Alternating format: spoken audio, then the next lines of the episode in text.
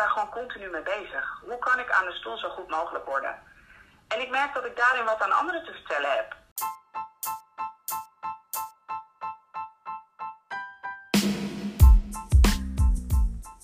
Leuk dat je luistert naar de podcast van Voetvak. Ben jij een pedicure, voetverzorger of professional in de voetenbranche? Of heb je op een andere wijze affiniteit met voeten? Dan ben je hier precies op de juiste plek. Ik ben Sarah Den Boer. Als hoofdredacteur van Voetvak kom ik vaak in contact met mensen of onderwerpen die extra aandacht verdienen. En daar kan jij hiervan meegenieten. De meeste mensen kennen Voetvak van het vakblad en van de vakbeurzen. Op deze manier hopen wij je te inspireren, op de hoogte te houden van wat er speelt in de branche en je te verbinden met vakgenoten. Karin Casius is medisch pedicure en heeft haar eigen praktijk in Reeuwijk. In Voetvak deelt ze regelmatig bijzondere cases waar ze mee geconfronteerd wordt in haar voetenpraktijk. Haar kinderen noemen haar een voetendokter. En dat verbaast me niets, want met haar verpleegkundige achtergrond en haar kunde als medisch pedicure weet ze heel wat voetproblemen kundig aan te pakken. Karin, welkom. Dankjewel, Sarah. Ja, Karin, wanneer jij je artikelen en je foto's naar de redactie stuurt, ja, dan weten we bij voorbaat al dat we iets bijzonders gaan aantreffen. Laatst had je bijvoorbeeld ook een case waarbij een arts zelf niet eens zeker wist waar hij mee uh, van doen had. Ja. Hoe ga jij om met dat soort, ja, toch wel medische verrassingen in je behandelstoel? Ja, ik vind dat schitterend.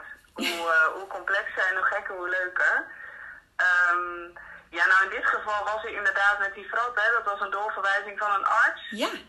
Dus ja, dan weet ik, dan weet ik dat ik carte blanche heb om te kijken wat ik eraan kan doen. En dan ga ik bedenken hoe ik dat het handigst aan kan vliegen. Um, als ik inderdaad iets kom en diegene is nog niet bij de arts geweest, dan vraag ik wel vaak of dat er even een arts langs kan komen. En in die zin is mijn praktijk in een medisch centrum natuurlijk echt wel een heel groot cadeautje. Mhm. Dat ik ook kan vragen, is er een arts van dienst die even langs kan komen? En dat gebeurt eigenlijk altijd. En um, ja, dat is gewoon een super fijne manier van werken. En daardoor, daardoor durf je ook wel meer, ja.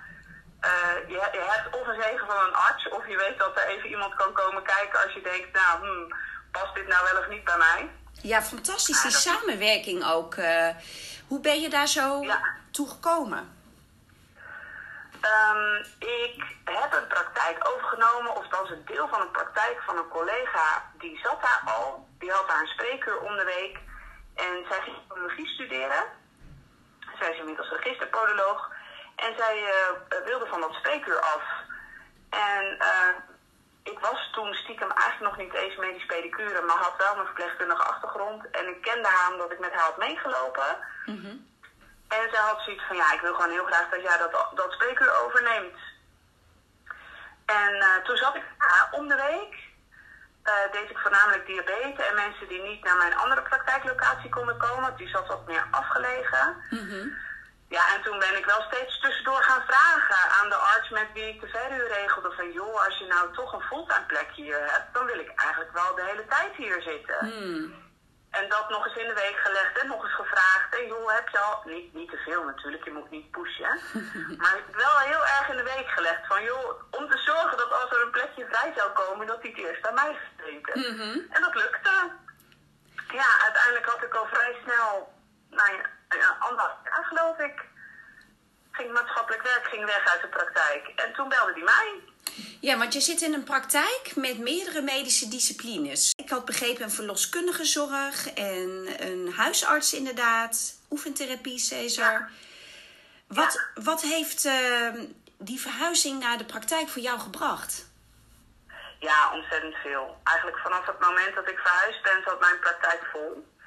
Ja, je krijgt toch een soort, um, ja, uh, oké-stempel op je praktijk. Mm. Omdat je in de huisartsenpraktijk zit. Ja, je hebt het oké van de huisartsen. En dat maakt dat mensen, standpeden, gewoon veel meer vertrouwen in je hebben. Mm. Hoe krom ook, want dat in wezen slaat het natuurlijk eigenlijk nergens op. Um, het feit dat de huisarts in mijn geval echt wel wist hoe ik werkte. Mm -hmm. Omdat ik daar natuurlijk al anderhalf jaar was. Um, maar ja, mensen zien het, oh, jij zit bij de huisarts, dus jij bent goed. En ja, vanaf dat moment zat mijn praktijk gewoon barstensvol. Krijg je die erkenning ook van de huisarts? Ja, ja, heb ik wel voor moeten knokken.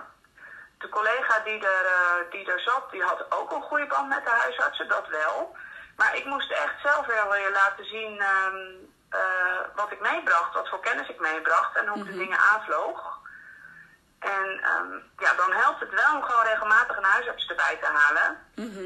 en, goed, en goed te weten hoe je, hoe je eh, ehm, in overleg gaat met een huisarts op een efficiënte manier. Ja, want hoe heb je dat eigenlijk eigen gemaakt? Ehm, ja, ik had wel de mazzel. Ik heb een poosje als verpleegkundige ook in een huisartsenpraktijk gewerkt. En toen heel veel geleerd over hoe je een casus bespreekt met een huisarts.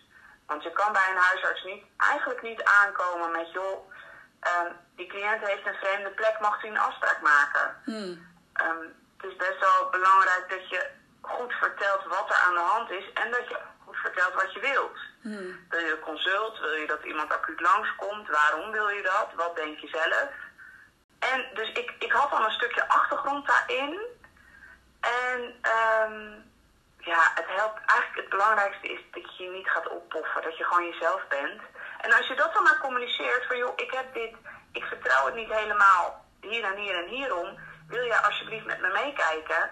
Dat wekt ook wel vertrouwen. Dan Hmm. zien ze ook dat je eh, op tijd aan de bel trekt. En dat je weet waar jouw grens ligt als pedicure. Want met name dat vinden ze heel fijn. Ja. Dat ze snappen dat jij weet waar jouw werk eindigt en hun werk begint. Je hebt ook een, een zorgachtergrond. Ja, dat helpt zeker. Want waarom ben je, als ik vragen mag, ehm, op een gegeven moment uit die verpleegkundige zorg gestapt? Ehm, nou, die was in mijn geval heel praktisch. Oké. ik, eh, ja, ik ging scheiden en ehm, eh, nou, mede door de heftigheid van die scheiding raakte ik mijn baan in de zorg kwijt. Ik werkte toen als verpleegkundige in een verpleeghuis. En ik besefte me ook heel goed, ja, hmm, als ik dadelijk alleen ben met mijn twee kindjes, die onregelmatige diensten, dat gaat hem niet worden. Ja. En ehm, toen zat ik zelf eh, met een ingroeiende nagel. Hij was niet ingegroeid, maar daar was ik heel bang voor dat dat ging gebeuren. En een oude buurvrouw van mij die was pedicure en ik had echt, echt een heel fout beeld van pedicures. Echt heel fout. ik was er wel eens tegengekomen in het verpleeghuis, maar dat was allemaal eh, achterkamertjes, geen handschoenen, geen mondkapjes, allemaal een beetje vaag gedoe. Mhm. Of ik altijd maar een beetje smerig. En ehm, eh, toen heb ik toch, omdat ik heel bang was dat die nagel ging ingroeien, bij mijn buurvrouw aan de bel getrokken van joh, mm, ik, ik denk dat dit fout gaat, wil jij misschien een keertje kijken? En ik zat daar in die stoel en ik keek eens om me heen. En zij werkte keurig netjes, heel professioneel. En dat ik dacht, goh, maar dit is grappig. En zij zat zo eens te vertellen hoe dat in elkaar stak. En ik stelde wat vragen en ik dacht, goh, dit werk kan ik veel beter combineren met mijn kinderen als ik dadelijk ehm, op mezelf zit. En eh, toen is mijn interesse gewekt en toen ben ik rond gaan kijken. En eh, een jaar later had ik mijn pedicure diploma op zak. Fantastisch. Waar heb je je opleiding gedaan? Eh, bij School for Us. Dat zat toen in Woerden. Eh, het zit nu in Bodegraven, meen ik. En ben je al direct doorgegaan voor medisch pedicure? Ja, ja, ik wist heel goed natuurlijk door, door mijn verpleegkundige achtergrond dat ik eh, de medische kant op wilde. Dus ik ben in één keer doorgegaan. Ja. En hoe heb je je klantenbestand opgebouwd? Ehm, ik ben vrij snel begonnen met een advertentie in het plaatselijke krantje. Ehm, altijd met een foto van mezelf. Ehm, eerst een, zo'n, zo'n redactionele introductie, zeg maar. Die was gratis. Dat was al een hele mooie. En ik heb in het begin heel bewust praktijk mijn achternaam gegeven. En dat werkt bij ons in de buurt heel goed. Mm, ja. Eh, en, ehm, eh, dus dat hielp. En ik ben inderdaad gaan adverteren met een foto van mezelf erbij. En een soort woordenwolk had ik laten maken door een grafisch ontwerper. Ehm, met inderdaad eh, schimmelnagels en zere voeten en uh, doorns. Dat stond er zo allemaal rondom een mooie achtergrond. Ja, dat werkt als een trein. En, ehm, en mond-op-mond-op-mond reclame. Als je goed Fantastisch. werk levert, dan Ja. gaat dat heel hard. Ja. En nu heb je een hele drukke praktijk. Meer dan druk volgens mij. Ja, eigenlijk net even te druk. ja, ja, ik ben heel hard op zoek naar opnieuw een collega. Eh, Er zijn wat collega's gestopt in en door de lockdown. En uh, het is gewoon heel druk. Heb je hm, zelf personeel, omdat je collega noemt? Of zijn dat dan zelfstandigen die zich met jouw uh, werk verbinden? Nou, ik heb in het verleden twee keer over een ZZP'er gehad die bij mij in de praktijk kwam werken. En um, dat is wel iets wat ik lastig vind. Ik vind het samenwerken ontzettend leuk. Um, maar het moet wel op alle fronten klikken. Mm -hmm. En ja, daar kom je niet acuut achter. Dat duurt soms eventjes. Um, dus ik heb dat twee keer gehad. En nu ben ik opnieuw op zoek naar iemand die mij wil komen versterken. En ik moet zeggen dat op het moment het niet eens zo heel veel uitmaakt hoe, hoe we dat gaan invullen. Um, maar los van dat het nu nodig is dat er iemand bij komt, gewoon omdat er te veel patiënten zijn in het dorp, um, vind ik het ook heel erg leuk om samen te werken. Mm. Ja. Maar wat een enorme behoefte is, is er dan ook binnen de pedicurebranche? Want wij, nou, uh, wij horen eigenlijk niet anders dat pedicures het ontzettend druk hebben.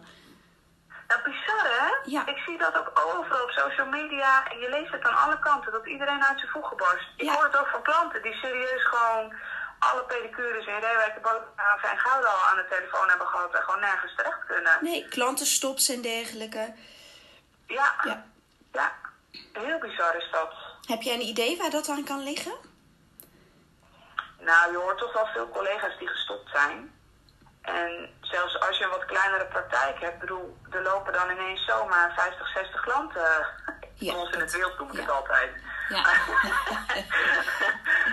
en um, ja, die kun die- ik kan er niet zoveel in één keer bij hebben. Ik- Dus ik denk dat dat meespeelt. Mhm. En ik heb ook wel het idee dat door de lockdowns de bewust, het bewustzijn op voedproblemen wat toegenomen is. Hmm. Ja, en ik, ik hoor meer mensen die zeggen: ik loop vaker thuis blote voeten en nu zijn problemen juist weg of ze komen. Mensen hebben wat meer aandacht daarvoor, heb ik het idee. Ehm, Ja. Met alles wat jij eh, tegenkomt in jouw werk, eh, wat is nu echt een specialisme waar jij, eh, waar jouw voorkeur echt naar uitgaat? Ja, ik, ik doe natuurlijk arcade techniek en unibrace. Mhm. En ingroeiende nagels vind ik echt heel gaaf om te behandelen. Omdat je gewoon eh, mensen in stand van pijn afhelpt vaak. Mm. Of in ieder geval het, het meteen kunt verbeteren. Mensen gaan, zijn zo dankbaar daarvoor. En ik het technische stuk daaraan heel erg leuk.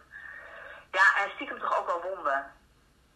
Ja? Ja, is toch dat, dat, ja, dat verpleegkundige blijft er toch een beetje in zitten. Ja.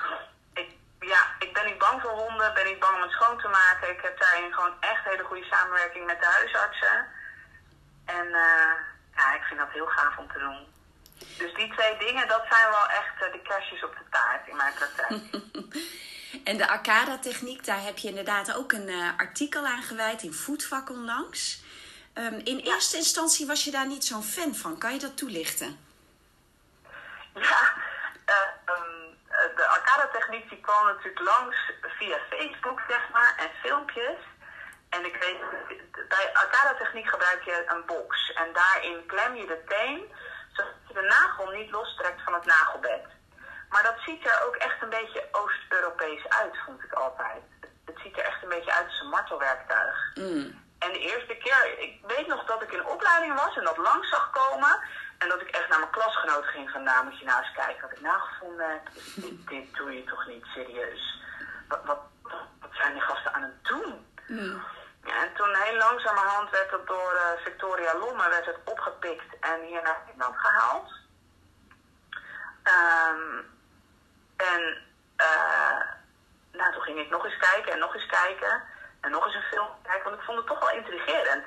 Dat je toch wel denkt, ja, wa- maar waarom doen ze dat dan? Mhm. En inderdaad, ze krijgen de nagel in een vorm die ik ook zou willen hebben.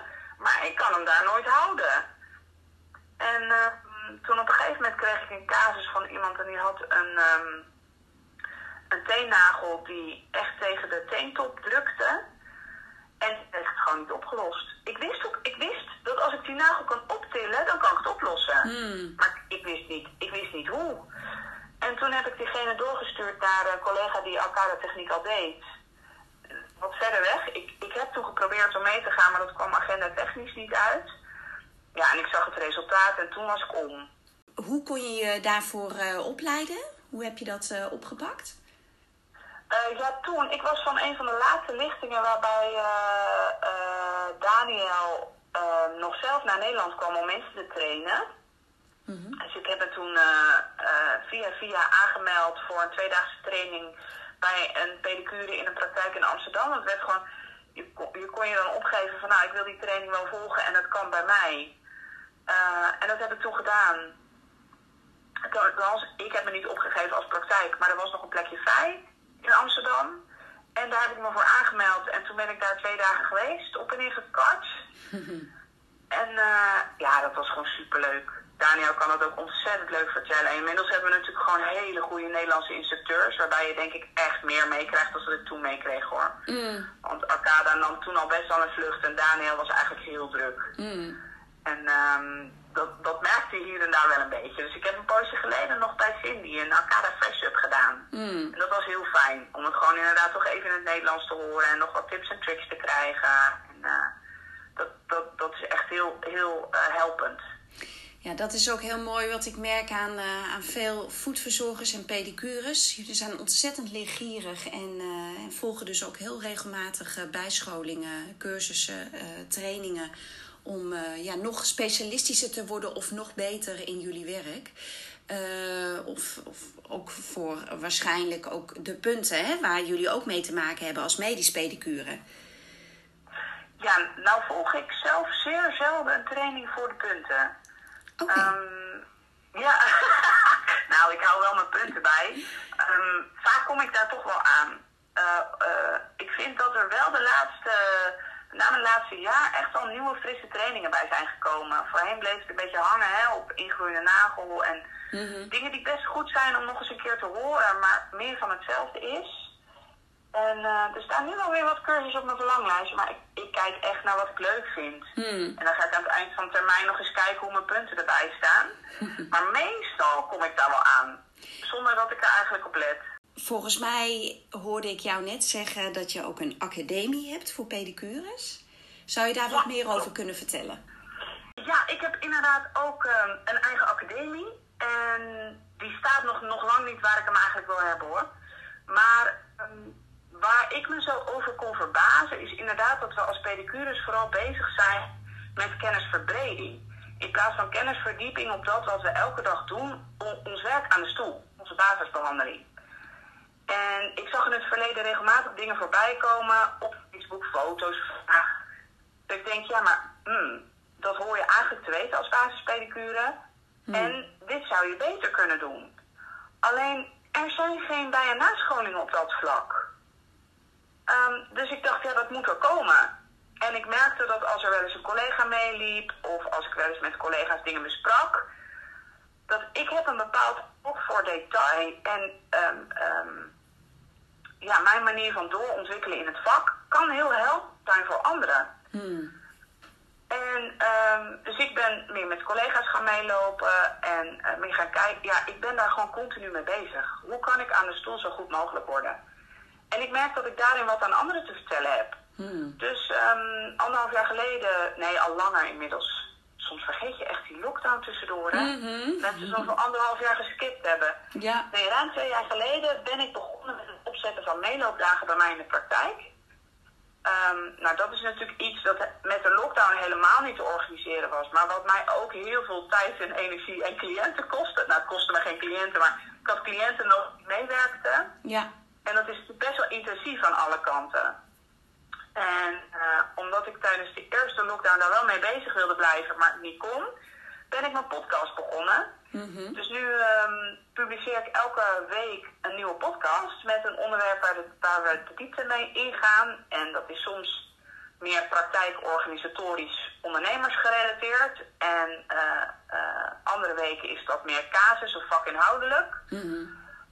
En um, ja, daarmee probeer ik echt um, uh, een beetje bij te dragen aan de professionalisering van ons mooie vak. Mm. Inmiddels staat er dus ook een online training klaar. En waar kunnen mensen dat vinden? Um, als je gaat naar www.dehogerepedicureacademie.nl dan uh, kom je daar op mijn website. En nogmaals, het is een academie waar, ik, waar, ik, waar al heel veel liefde en tijd in zit. Mhm. Maar aan de voorkant nog niet staat wat ik graag wil. Maar dat gaat helemaal komen de komende tijd. Mooi, nou ik wens je daar heel veel succes mee. Dankjewel dat je Ja, tijd eh, kon vrijmaken in jouw drukke schema. Ik ben nog wel even benieuwd naar eh, jouw voetvakmoment. Wat is jouw moment waarbij je de tijd neemt om, eh, om het vakblad door te nemen waar jij ook een bijdrage aan levert? Oh ja, ehm, heel vaak 's ochtends in het weekend. Als we met z'n allen aan het opstarten zijn en de kids zitten nog lekker even achter hun iPadje en ik met een kopje thee, dan pak ik heel vaak een voetvak erbij. Mooi. Eh dank, Dankjewel Karin voor het delen van jouw ervaringen als medische pedicure. En eh, nou, we zien natuurlijk heel erg uit naar de volgende casus in voetvak. En ik eh, spreek je heel graag een volgende keer, want ik denk dat we nog lang niet zijn uitgesproken. Nee, zeker niet. Graag, leuk. Dankjewel. Dankjewel, dag. Dag.